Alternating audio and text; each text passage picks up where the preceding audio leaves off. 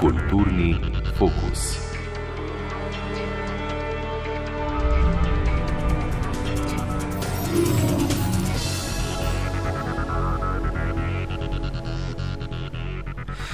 Splošno sprejeta modrost pravi, da si nastanka slovenske države ne moremo predstavljati brez slovenske književnosti in književnikov.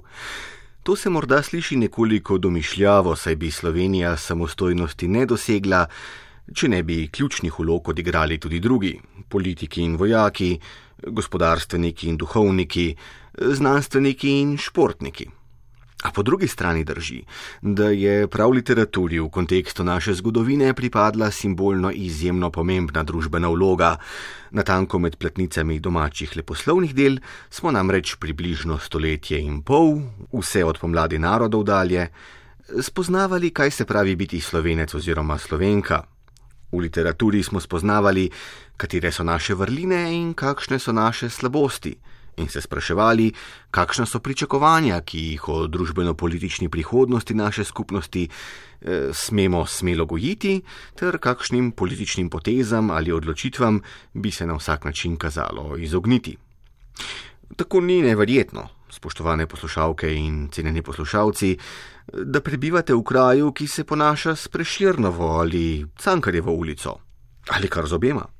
Prav tako ne moremo spregledati, da so si nekatere partizanske enote med drugo svetovno vojno nadele imena po naših književnikih ali da so slovensko pomlad v 80-ih letih prejšnjega stoletja na nespregledljiv, izpostavljen način pomagali poganjati prav pesniki in pisatelji od Toneta Pavčka do recimo Rudija Šeliga. In ko govorimo o tem, da se je slovensko osamosvojitvijo izpolnil tisočletni sen zatiranega naroda, se, pa če se tega zavedamo ali ne, pravzaprav sklicujemo na sonetni venec in tako naprej in naprej. Toda nocoj, 30 let po razglasitvi samostojnosti, se menda lahko vprašamo, kaj se je zgodilo z našo književnostjo, ko je bilo po vsem sodeč izpolnjeno njeno narodotvorno oziroma državotvorno poslanstvo. So bile v zadnjih treh desetletjih poezija, proza in dramatika uprežene v kak drug pomemben daljnosežen družbeno-politični projekt? So se nasprotno znašle na robu zanimanja in pozornosti slovenk in slovencev? Ali pa ne drži ne eno, ne drugo, in nas literarna dela še naprej zaposlujejo, presenečajo, zabavajo in razgibavajo ter kvalitativno poglabljajo naša življenja, le da zdaj ne na ravni narodnega kolektiva, pač pa na nivoju slehrnega individualnega življenja. Odgovor na to vprašanje iščemo v nocojšnjem kulturnem fokusu, ko pred mikrofonom gostimo akademika dr. Toma Virka, predavatelja na oddelku za primerjalno književnost in literarno teorijo Ljubljanske filozofske fakultete, ki je vprašanju družbene vloge slovenske po samosvojitvene književnosti posvetil intrigantno razpravo pod preširnovo glavo, ki je prednedavnimi šla pri znanstveni založbi Filozofske fakultete Univerze v Ljubljani. Gospod Tomovirk, lepo pozdravljeni in dober večer. No, dobro večer in hvala za povabilo.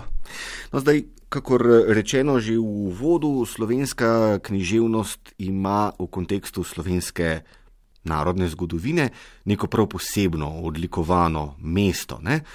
Pa se sprašujem, kako je to sploh mogoče, ne? kaj je slovenska književnost v naši zgodovini pravzaprav eh, pomembnejša od književnosti v zgodovini francoske, nemške, italijanske ali španske narodne skupnosti? V nekaterih pogledih ja, v nekaterih pogledih uh, mislim, da ne. Uh, tako zelo splošno gledano je pomen književnosti za um, konstitucijo nekega naroda ali pa za uh, ohranitev naroda, recimo v 19. stoletju pri Slovencih, podoben kot če pri nekaterih drugih, zlasti srednjeevropskih državicah um, ali pa narodih, bolje reči, ker takrat še niso bile državice, predvsem pri tistih narodih, ki so uh, bili združeni v okviru Avstro-Ogrske. Uh, ko se v 19. stoletju približno uh, začnejo nacionalna gibanja, ko se uh, začne zbujati nacionalna zavest, se lahko kakšne že oblikovane nacije, to se pravi narodi, ki imajo svojo državno zaokroženo tudi z vsemi državnimi inštitucijami in se na nek način ujemajo z mejami svoje države, eh, lahko konstituirajo tudi po tej bolj institucionalni poti. Za majhne narode, ki nimajo te državne in institucionalne samostojnosti, pa ostaja potem manj prostora, manj možnosti uh, za privzgajanje, oblikovanje in vzdrževanje te porajajoče se nacionalne zavesti. In ker literatura temelji na, na jeziku, jezik pa vendarle je nekako ena glavnih osnov nacionalne zavesti, je nekako logično, da so se pri teh narodih, tudi pri slovenskem, da, se, eh, da se je vzpostavila ta povezava, ta izjemno pomemben pomen književnosti za konstituiranje naroda. Ampak, recimo, ko sem obiskal Zagreb, ne, na glavnem trgu tam stoji kip Bana Jelačiča. Ne. Pri nas pa na glavnem trgu stoji eh, kip Franceta Preširna. Ne, od uh, politika in vojaškega voditelja na eni strani, ne, do seveda pesnika par excellence na drugi strani. Ne. Razlika se vseeno zdi uh, utipljiva, pa čeprav smo imeli tako zelo panoramsko gledano najbrž slovenci in hrvati dovolj podobna in primerljiva poteka razvoja nacionalnega projekta. Ja, res je, o, o vseh teh podobnosti, te splošne podobnosti, zato sem govoril o splošni podobnosti, obstajajo pa tudi neke razlike, neke posebnosti, neke specifike. In slovenska posebnost je ta, da še danes v kažem turističnem vodiču zasledimo ali v kažem mogoče dokumentarnem eh, filmu o Sloveniji za, za tuje turiste, da je to narod in država pesnikov. Eh, pesniki, pisatelji, pisateljice so uh, si pri nas razmeroma zgodaj ustvarili velik simbolni kapital. In uh, od takrat naprej živijo pač v naši zavesti kot recimo temu tudi očetje naroda, pa tudi kot neke um, moralne avtoritete. Ampak, eh, doktor Virk, tu se zdi, ne, da smo trčili ob nekaj eh, nenavadnega, ne, sej eh, moralne avtoritete, očetje naroda, vse to zveni zelo lepo in prav, ampak po drugi strani, ne, koliko slovenk in slovencev pa se pritožuje, ne, pa ta preširen ali ta cankar, ne, toliko žalosti, toliko teme, prav uh, pokvarila sta mi guljenje šolskih klopi, ne, neko nenavadno ambivalenco pravzaprav čutimo do teh figur. Ja, najbrž v različnih obdobjih, eh, različno, tudi v različnih okoljih. Različno, v tistih okoljih, kjer ljudje morda še danes čutijo eh, svojo narodno ogroženost, naprimer v slovenskem zamestvu, se mi zdi, da je te kritične distance manj. Ne? Mi, tukaj v, v, v srednji Sloveniji, če tako rečem, um, ki teh težav nimamo, eh, imamo danes večjo kritično distanco tudi do teh velikih kanoniziranih um, likov slovenske kulturne zgodovine in uh, predvsem književnosti. Je pa tudi že v preteklosti bila usoda teh književnikov na nek način dvojna in o tem govori Dušan Perevec, ko uporabi svoj izraz preširnovska struktura.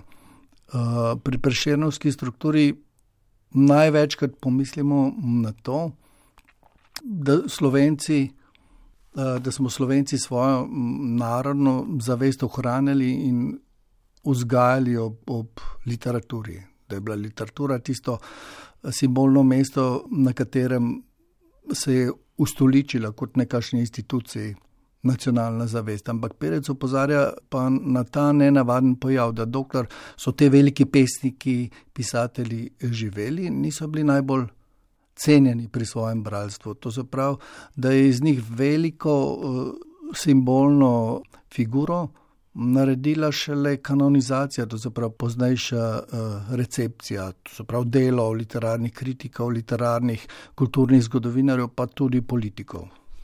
Z drugimi besedami, ne, ko bi ne bilo eh, Josipa Stritelja, ki je napisal eh, spremno besedo k drugi izdaji preširnovih poezij leta 1866, bi ne mara tam le na preširnovem trgu ne stal preširnov, ampak koseskega spomenika. Čisto mogoče, ne, ker sama od sebe se ta literatura seveda ni uveljavljala. Ne. Svoj pomen je uveljavljala zaradi potreb, ki jih je imela tedanja slovenska družba, slovenski narod in pa zaradi teh pomembnih posameznikov, ki so znali na. Um, ustrezen način upozoriti na recimo preširne in druge kanonizirane pisatelje, pisateljice. Ampak, doktor Virk, kaj to pravzaprav pomeni za vsakega novega slovenskega pisatelja ali pisateljico, pesnika ali pesnico, ki je prijel za pero? Namreč na neki točki ne, je vsakemu nadobudnemu književniku jasno, ne, da se zdaj, ko začenja pisati, da se s tem umešča pravzaprav v neko dolgo verigo predhodnikov in predhodnic, od katerih slovenski bralke in bralci pričakujejo nekaj zelo specifičnega, namreč to, da bodo odigrali to moralno in politično ulogo nekakšnih centralnih figur slovenskega nacionalnega občestva. Um, najbrž ni enostavno pisati, se mi zdi, ne? če veš, da so na tvoja pleča položena pričakovanja dvomilijonskega naroda.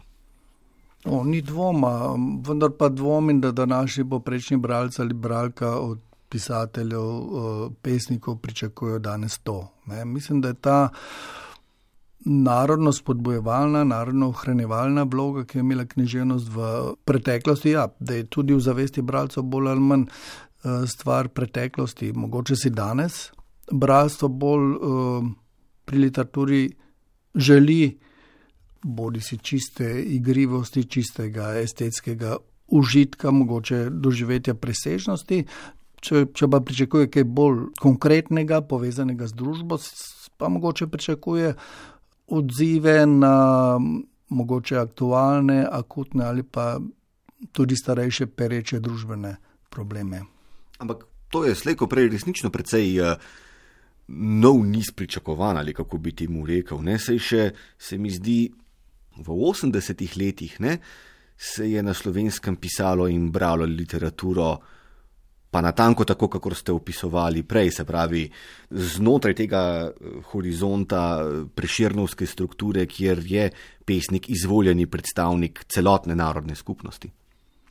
Ja, se je, ampak pač tradicionalni slovenski zavesti je, eh, sta pesnik in pisatelj imela to veliko simbolno vlogo, ki ima je podajalo tudi neko moralno dostojanstvo, pa ne tudi, ne, ne samo moralno, ne tudi neko eh, intelektualno avtoriteto. Ampak družbena vloga literature se je v zadnjih desetletjih, seveda ne samo v Sloveniji, ampak eh, tudi globalno spremenila. Ne. Literatura je zdi se mi, je izgubila to svoje zelo pomembno mesto v družbi, ki ga tudi ni imela od kar že od nekdaj. Ne. To pomembno mesto se je začelo izgrajevati v vsaj v evropskih družbah okoli obdobja romantike, kjer so tudi večji narodi, ki niso imeli glede tega tako velikih potreb kot manjši narodi, svojo nacionalnost vendarle utemeljevali tudi na podlagi literature, češ v tem smislu eh, zgodovina italijanskega naroda, naprimer, je identična zgodovina italijanske eh, književnosti. Danes so seveda stvari bistveno drugačne. Literatura je pač ena od zabralca prostočasnih dejavnosti, ena od umetnosti, ne samo, da uh, danes za poprečnega bralca bralko nima več narodno konstitutivne vloge, ampak mogoče tudi ne več tako pomembne družbene vloge, kot jo je imela uh, recimo po drugi svetovni vojni, ko ta narodno konstitutivna vloga pride nekoliko v zadje, čeprav se še vedno ohranja. No, to smo najbrž lahko videli ravno zdaj v času epidemije. Namreč eh, pisatelj in eh, vaš predavateljski kolega na filozofski fakulteti, Andrej Blatnik, je recimo upozoril, ne, da v času, ko smo se vsi skupaj eh, se srečevali in smo se stankovali po Zumu, ne, je veliko ljudi poskrbelo, da je za njihovim hrbtom polica s knjigami. Skratka, literatura nek simbolni kapital očitno še vedno ima ali kako? Ja, gotovo, da ima ta simbolni kapital, ampak ta kapital ostaja precej simbolen. Dnevno beremo pritožbe na tem, kako slabo so obiskane literarne preditve, izposoja kakovostnih knjig eh, ne narašča. Eh, pa tudi nasplošno, tukaj je več takih uh, pokazateljev. Um, naprimer, študij primerjalne književnosti na oddelku, na katerem tudi sam predavam, je še vse do 90-ih let prejšnjega stoletja na nek način veljal za elitni študij. Vsak, ki je bil življensko intelektualno ambiciozen, si je želel študirati primerjalno književnost in dobivali smo najboljše študente, najboljše maturante. Ne. Zdaj se tisti najbolj ambiciozni odločajo tudi za druge študije ali pa celo predvsem za, za druge študije in to ni nič drugega kot posledica družbenega ugleda ali družbene vloge uh, literature. Ne gre za to, da bi se sama literatura vem, poslabšala, da bi postala manj kakovostna. Mislim, da nikakor ne. Ampak mesto, ki ga odreja družba, je pač drugačno, kot ga je imela predtem. Tu se mi zdi, da Tomo Virk sva nekako trčila ob nekakšen eh, paradoks. Ne?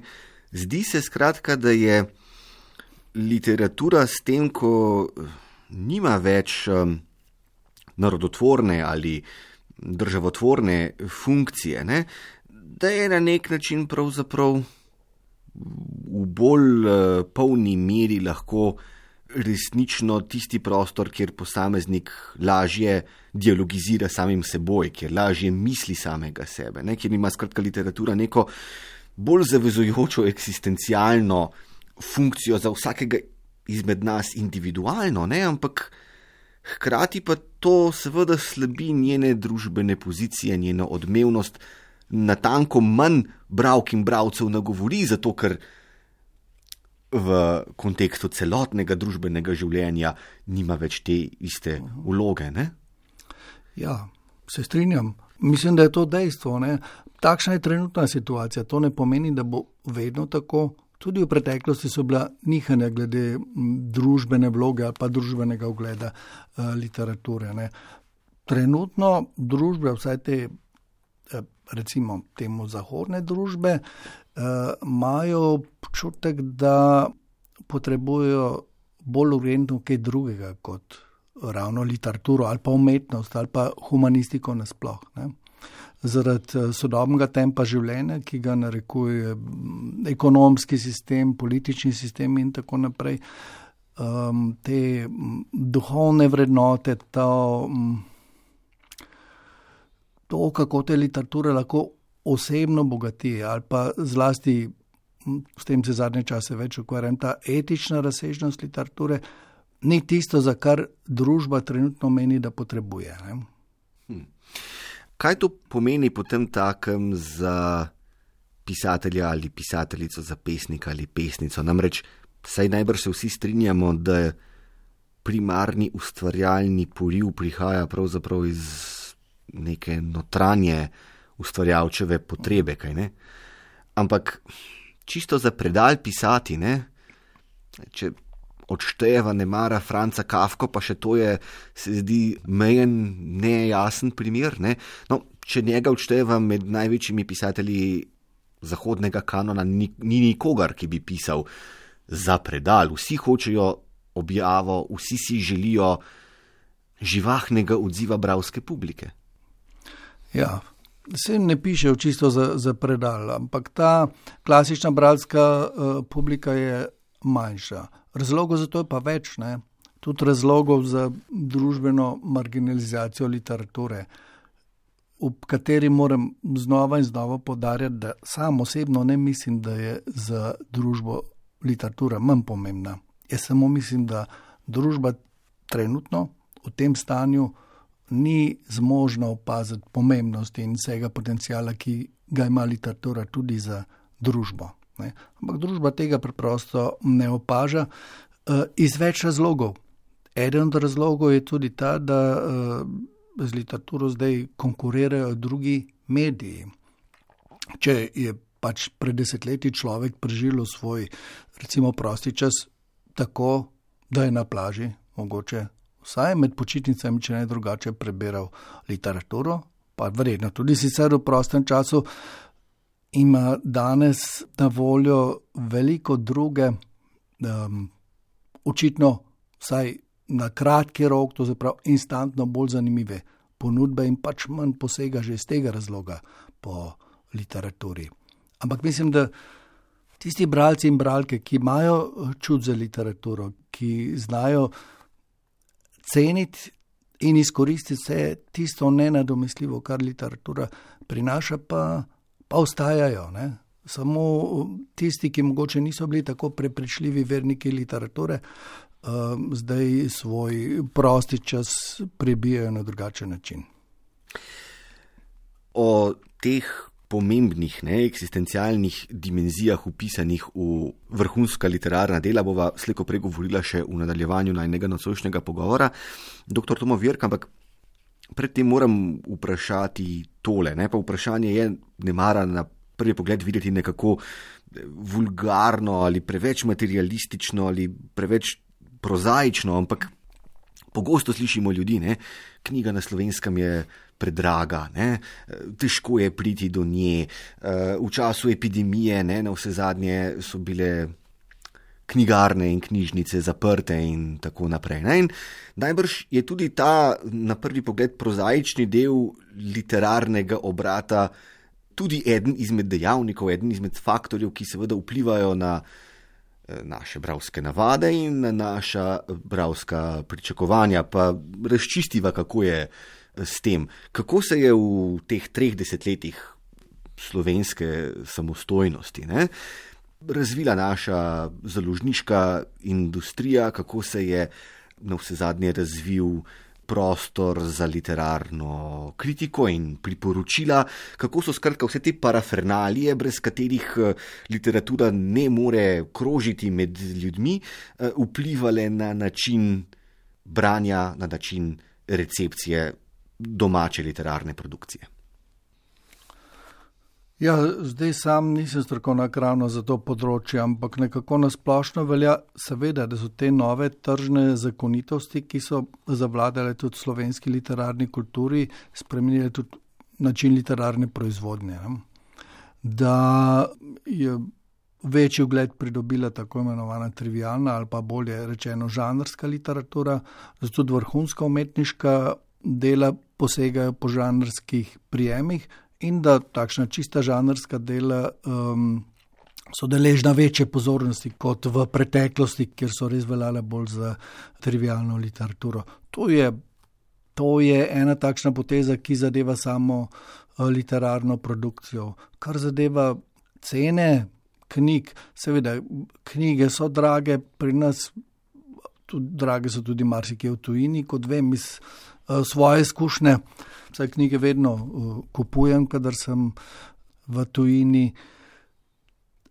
Vseeno se mi zdi, ne glede na to ceno knjig, da prav zaradi um, te simbolne vrednosti, ki je imela literatura eh, v preteklosti, je poprečen slovenec bil pripravljen za knjige odšteti več, kot je pripravljen danes. Danes ima preprosto širšo ponudbo drugih stvari in raje se odloči, da bo vlagal svoj denar v druge dejavnosti, ne pa toliko nujno v nakup knjig. Ne.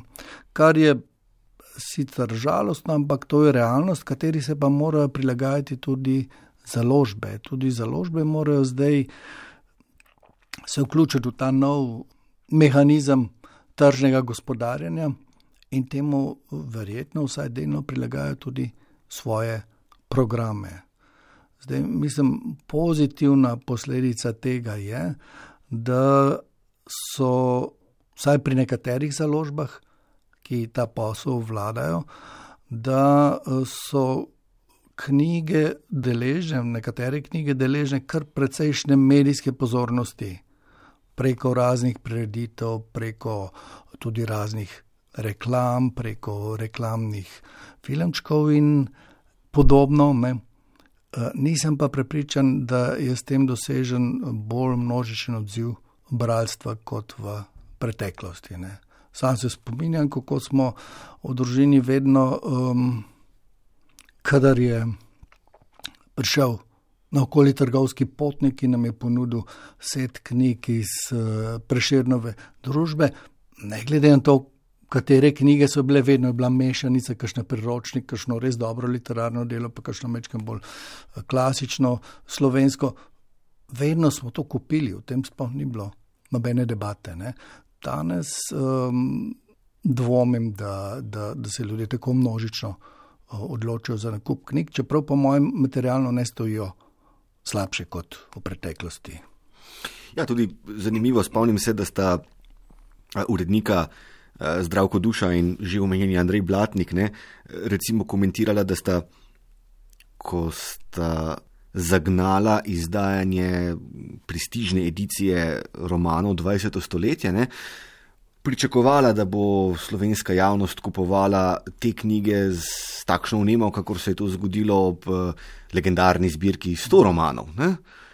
Ampak se to seveda ni zgodilo. Ne. Skratka, ta teza, ki uh, ste jo postavili, Tomo Virk, ne, o usihanju družbene veljave literature in literarnih del, ne, se zdi, da se potrjuje na tisočinen način. Ne, ampak um, ali imate občutek, da je to nekaj, kar uh, zares zadeva literarna dela, ki nastajajo, da je to malodušje ali kako bi temu rekel, ne, upisano v pesniške zbirke, romane, kratko prozo, eseje, dramska dela in tako naprej. Hočem reči, v kolikšni meri literatura kot družbeno dejstvo odseva v literaturi kot avtonomni estetski mm. tvorbi. No, se tukaj mi niti ni treba ugibati dejansko. Um, pogosto berem tudi intervjuje s samimi ustvarjalkami in ustvarjalci, in pač, če jim verjamem na besedo, potem je razvidno, da uh, se marsikdo prilagaja potencijalnemu bralcu. Ne? Marsikdo misli na bralca in temu pač prilagaja svoje pisanje. Prepričan pa sem, da obstajajo tudi taki avtori in avtorice, ki se ne ozirajo preveč na to, ampak pač sledijo temu svojemu notranjemu ustvarjalnemu imperativu. Zdaj, ko se v šolah učimo ne, o zgodovini književnosti, ne, smo navajeni na to neko periodizacijo, renesansa, barok, klasicizem, romantika, realizem, moderna, razni modernizmi. Ne.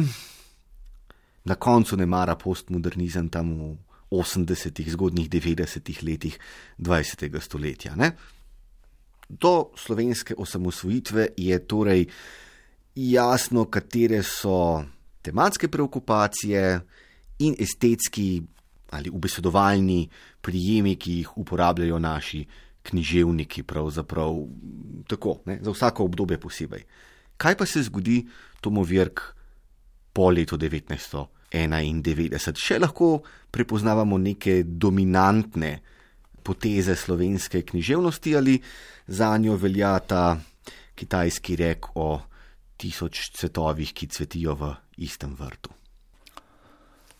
Ja, seveda, literarna stroka vedno poskuša ugotavljati tudi neke skupne značilnosti, podobna dela poskuša mm, grupirati, popredalčkati, če uporabljam te. Uh, grde izraze uh, iz raznih pragmatičnih razlogov, ampak tudi globalno, ne samo pri nas, se po tem obdobju niso uveljavljale kakšne tako imenovane globalne literarne smeri.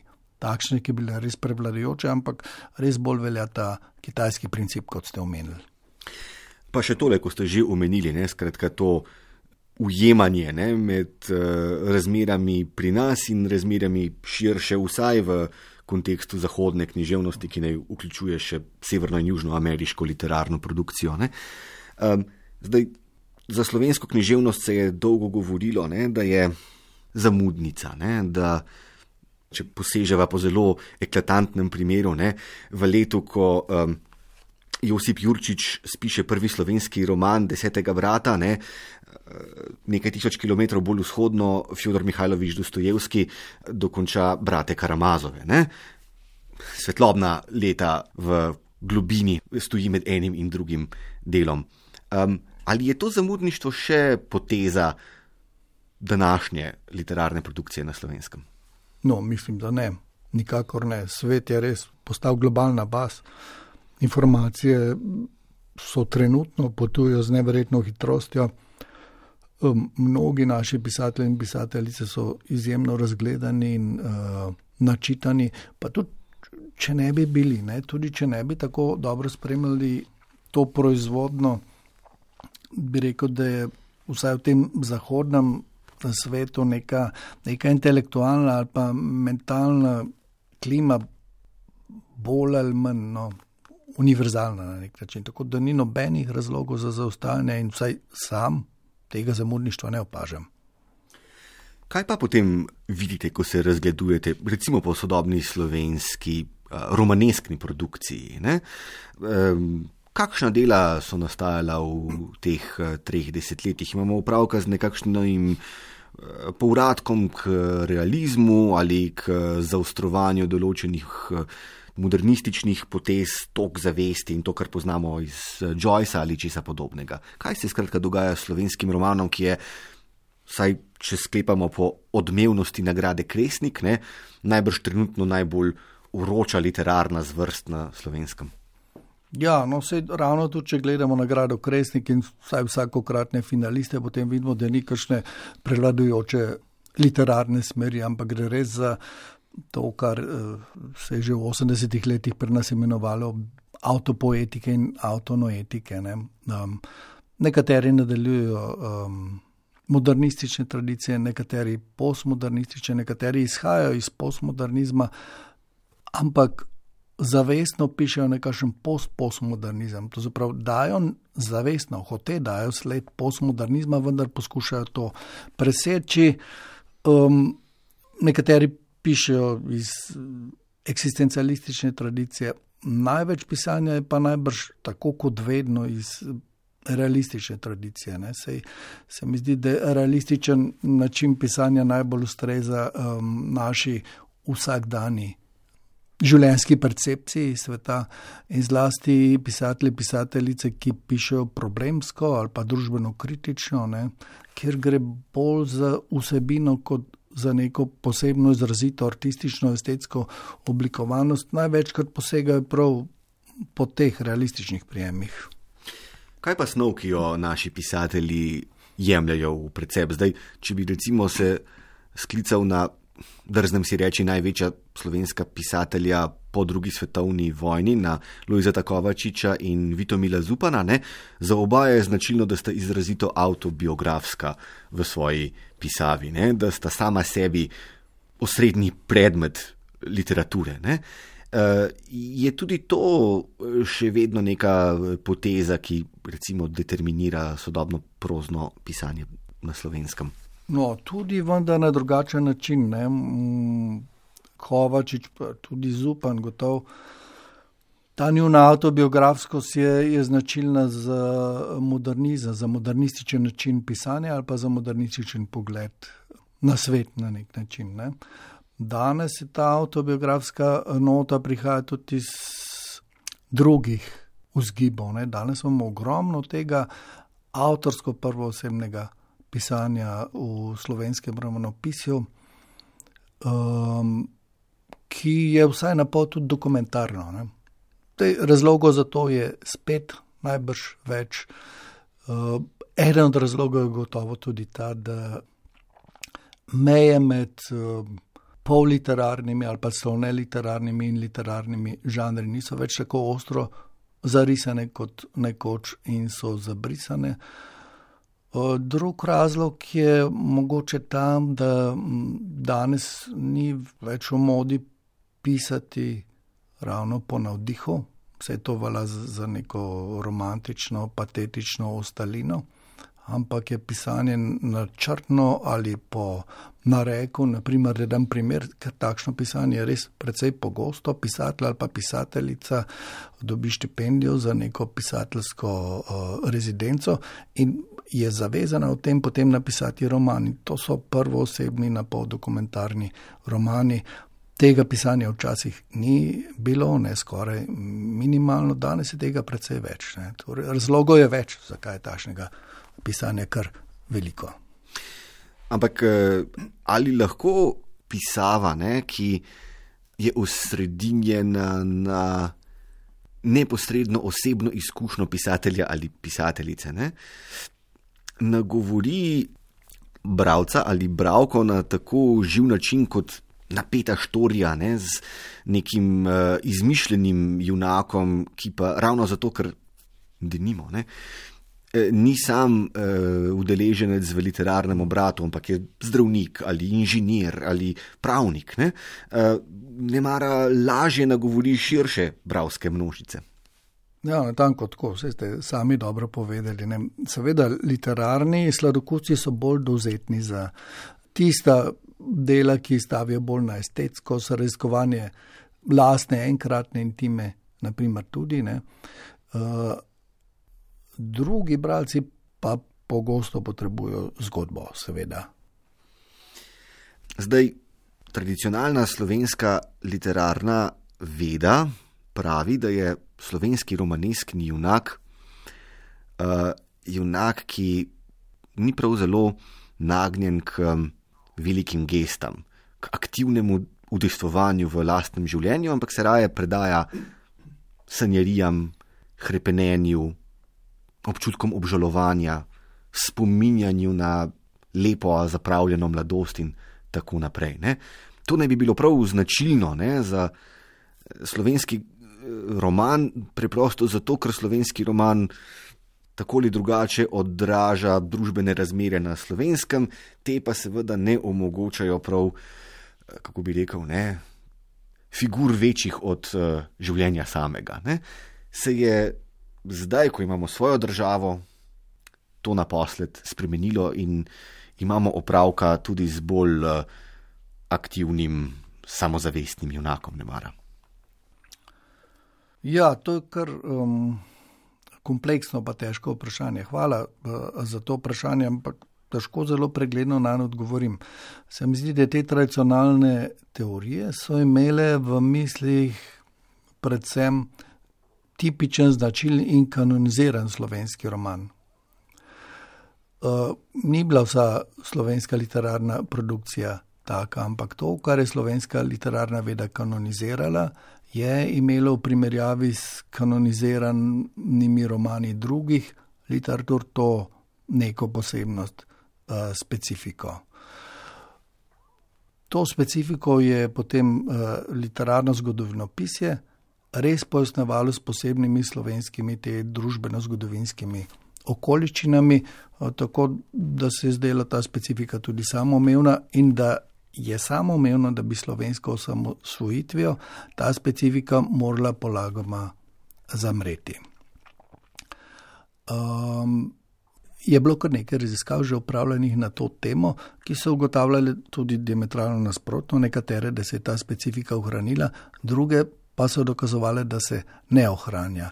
Jaz mislim, da na nek način držijo obe te dve ugotovitve v današnji slovenski literarni romaneskni produkciji, recimo v zadnjih 30 letih, imamo takšne in drugačne junake. In v, težko govorimo o kanoniziranih romanih, ampak o teh, ki prejemajo nagrade prav tako ne moramo prepoznati samo en tip romana, en tip literarnega junaka, ampak mislim, da je ta paleta danes precej širša, kar je pa po mojem tudi samoumevno razumljivo, ne samo zaradi teh družbeno-zgodovinskih okoliščin, ampak uh, tudi zaradi značilnosti literarne produkcije danes, ki je precej bolj razpršena, manj fokusirana na neke prepoznavne šole kot v preteklosti.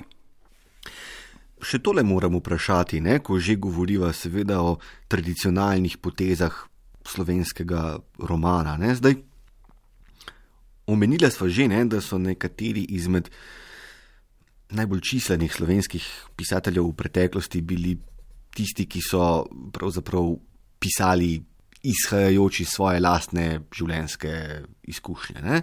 To pomeni, da so lahko na nek način pravzaprav bravkam in bravcem ponudili svoj lasten glas, svoj lasten premislek. Ne? Redkeje pa se mi zdi, smo se soočili z uh, literarnimi deli, kjer smo lahko spremljali igro in proti igro dveh enako urednih, enako močnih, enako prepričljivih likov, uh, kjer se moraš ti sam odločiti, katera je prava pozicija, katera je prava življenjska drža. Ne? Zdi se, da je pisatelj rad na srebrnem pladnju prinesel svoj izoblikovan pogled, tako je dobro stati v življenju. Ne? Slovenski roman je bil v tem, se mi zdi, nekoliko manjkav. Je to še vedno poteza naše romaneskne produkcije? Ja, na to bom še posebej težko odgovoril, ker bi moral najbrž o tem razmisliti, ampak to, kar ste sami zdaj povedali, se zdi kar prepričljivo in uh, mogoče drži. Res pa je, da tudi v najbrž v svetovni literarni produkciji ni, da bi ravno prevladovala takšna dela, ki bi bila izrazito, ne vem, polifonična, tako kot recimo klasični romani Dostojevskega, kjer si res nasproti stojijo um, enako močni liki. Mislim, da takih romanov ne v preteklosti, ne v sedanjosti na slovenskem nimamo prav veliko. Je to razlog za skrbljenost? Ne, mislim, da literatura pomeni neko širino, neko bogatstvo raznih možnosti v beseditve in uh, polifonični roman je pač samo ena od možnosti. Razlog za skrbljenost pa bi bil, če bi to pomenilo, tako kot ste mogoče malce sugerirali v prejšnjem vprašanju, da slovenski romani podajo neko idejno enostransko podobo, mogoče na nek način celo ideološko, ne? da tukaj ni pravega dialoga, ampak da je vedno predstavljena samo ena trna avtorjeva vizija sveta. Ampak jaz osebno mislim, da ja, lahko da je v romanu predstavljena avtorjeva vizija sveta, ampak če je ta roman umetniški, mm, sam še vedno nekako nekoliko starinsko gledam na to, ne, da je razlika med um, zgolj literarnim delom in, in umetniškim literarom in, in delom in umetnostjo. Če je roman umetniški, mislim, da avtorjeva lastna pozicija do bralstva ne pride na tako odločen način, ampak da je vedno predstavljena neka kompleksna situacija, ki sama neposredno nagovori bralca, ne, lahko ga nagovori um, tako, kot je morda predvideval avtor, mogoče pa ne, ker um, mislim, da avtorjev talent presega samega avtorja. Ne glede na to, kaj je avtor nameraval, če mu je res uspelo umetniško delo, to se pravi preseči samega sebe, če tako rečem, potem je to to, da je presegel samega sebe, da je stvar predstavil bolje, bolj realno, dejansko tako, kot je. Ne? To pa je zelo kompleksno. Se pravi, najboljša so tista literarna dela, ne, za katere bi lahko rekli, da tekst na nek način ve več od uh, svojega lastnega avtorja ali kako. Ja, po mojem mnenju je tako, seveda so pa okusi različni in tudi nazori o tem, kakšna je najboljša literatura, so zelo različni. Doktor eh, Virk, vi na oddelku za primerjalno književnost in literarno teorijo predavate predvsem o prozi, domači in seveda svetovni spričo česar vas bo ne mara vznejevoljila moja naslednja pripomba, ampak rekel bi, da se je v dosedajni zgodovini slovenske književnosti poezija večkrat izkazala za eh, močnejšo, potentnejšo, globljo od slovenske proze. Um, je to še vedno stalnica, ki se ohranja tudi 30 let po slovenski osamosvojitvi ali? So prozaisti končno dosegli ali celo presegli pesnike in pesnice? No, na to vam pa preprosto ne morem odgovoriti. Um, eh, zakaj ne? Zato, ker do sodobne literarne uh, produkcije pač ni zadostne časovne distance, da bi lahko tehno vrednostno razsojali. Vsaj sam si ne bi drznil razsojati. Uh, kar zadeva preteklost, bi se na nek način mogoče z vami lahko strinjal, da bi recimo v 20. stoletju, pustimo zdaj preširna in poznaj cankarja, ne, um, ampak da bi v 20. stoletju bi verjetno naštel več res eminentnih, um, lahko bi rekel, na svetovni ravni pomembnih slovenskih pesnikov kot prozaistov. Tukaj bi se z vami strinjal. Hmm. Ali lahko opazimo kakšne spremembe, ki so značilne recimo za slovensko poezijo v teh 30 letih, ki jo ločijo od tistega, kar je nastajalo v prejšnjih desetletjih. Ja, kot ste sami omenili, nisem ravno strokovnjak za poezijo, tudi za, za sodobno ne. In tudi tukaj velja, da mogoče še ni dovolj velike časovne distance. Rad bi povedal, da za namene te knjige sem poskušal prebrati vso sekundarno literaturo o sodobni slovenski poeziji in v nasprotju zlasti slovensko dramatiko, delno pa tudi slovensko prozo, uh, si pravzaprav nihče še ni drznil sintetičnega pregleda pesniške produkcije opraviti za to obdobje. Ne. Tega pregleda niti od strokovnjaka še nimamo, kaj šele od mene. So najbrž kakšne um, posebnosti, ki jih prej ni bilo, ne, eh, recimo, um, sodobnejša poezija je v povprečju ali pa kot neko značilno nasprotje, sprej bolj dialoška kot prejšnja poezija, ampak ne vsa, seveda. Ne. Pojavlja se tudi bolj dialoška poezija, predvsem imamo pa tukaj um, delo profesorja Novaka, Borisa Novaka, ep, ki je tako pripovedno delo, kot tudi eminentno pesniško delo, ne, ki sodi na področje poezije, vrata, ne povrata, ki tudi nima nobene primerjave v predhodni pesniški zgodovini. No, nove stvari se torej nenehno pojavljajo. E, v tem kontekstu moramo vprašati še tole. Ne? Zdi se mi, če se vrnemo zdaj, dr. Virk, nazaj k prozi, zdi se mi, da smo tradicionalno najbolj cenili seveda roman, bistveno bolj kakor eh, kratko prozo, ne maras izjemo pri cankarju. No? Um, ampak to je vendarle samo en avtor. Ne? V splošnem pa se mi zdi, da smo nekako videli kratko prozo kot tisti vadbeni poligon, ne? na katerem naj pisatelj in pisateljica izmojstrite svoje veščine, da boste na vse zadnje prišla do romana. Ne? Imate občutek, da se je ta valorizacija kratke proze kot nečesa sekundarnega, manj pomembnega, eh, naposled razrahljala, razklenila in eh, to vrstnih urednostnih eh, sodb ne podajamo več s to neznosno lahkostjo izrekanja? Ja, mislim, da imate prav. Ne? Še vedno lahko, mogoče celo pri večini bralcev, roman ostaja bolj ugleden, ampak mislim, da zlasti v tej profesionalni literarni vedi, pa tudi med samimi eh, ustvarjalci literature, um, da se je pa ta razlika precej zmanjšala. Ne. To se je začelo v 80-ih letih, ko se je začela verjetno pod vplivom zahodne književnosti, predvsem postmodernistične, ko se je začelo tudi slovenski um, literarni prostor zelo intenzivno upeljevati prav kratko zgodbo na najvišji umetniški ravni. Ne? Kratko zgodbe in uh, tudi novele. In od takrat naprej ta trend, če tako rečem, ni, ni ponehal in mislim, da in kakovostno, verjetno pa tudi količinsko sta ti dve obliki ta kratka proza in, in roman na slovenskem zdaj uravnoteženi. Ker se zlagoma bližava sklepu najnega nocojšnjega pogovora, dr. Tomo Virk, moram pravzaprav vprašati še tole. Um, 30 let je seveda hkrati kratka in dolga doba. Uh, po svoje je seveda zelo težko zauzeti dovoljšno distanco, da primerimo ne, celoto neke produkcije in jo opišemo, opredelimo, vrednotimo in tako naprej. Ne.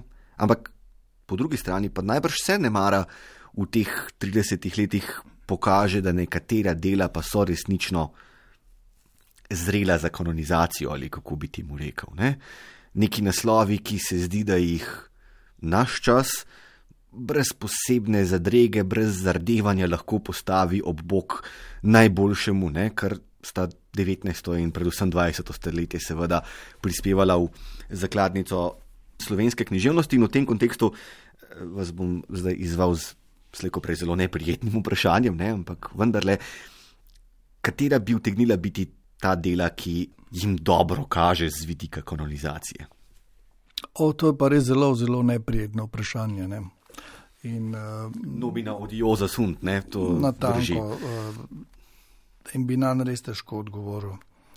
Um, da vas ne bi pustil čisto na cedilu, bom poskušal nekaj vseeno odgovoriti. Mislim, da na področju poezije ni dvoma, da izstopa epska trilogija Borisa Novaka. Ne, to bo literarna veda zanesljivo kanonizirala in tudi je kanonizirala. Um, na področju proze bi pa katerokoli ime bi tukaj pozabo izpostaviti, gotovo naredil um, veliko krivico, zato se bom poskušal mogoče izmotati tako. Za preteklost velja, da je slovensko literarno zgodovino pisje zanemarjalo ženska pisateljska imena, to se pravi pisateljice. Tako da se bom tej zadregi izognil, tako da bom omenil žensko pisateljsko ime, ki po mojem nedvomno sodi in tudi v prihodnosti bo sodilo v kanon uh, slovenske literature.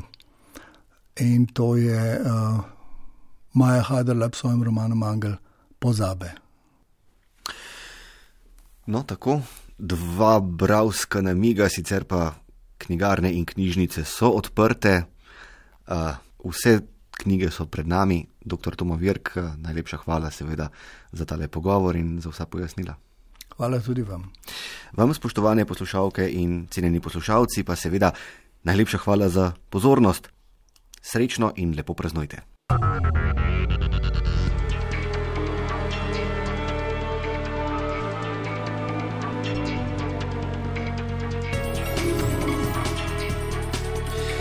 S tem smo prišli do konca tokratnega kulturnega fokusa, oddajo, ki lahko prisluhnete tudi v obliki podcasta ali jo poiščete na spletni strani prvega programa, sem pripravil in vodil Goran Dekliva, zvočno pa jo je oblikoval Miha Juvan. Kulturni fokus.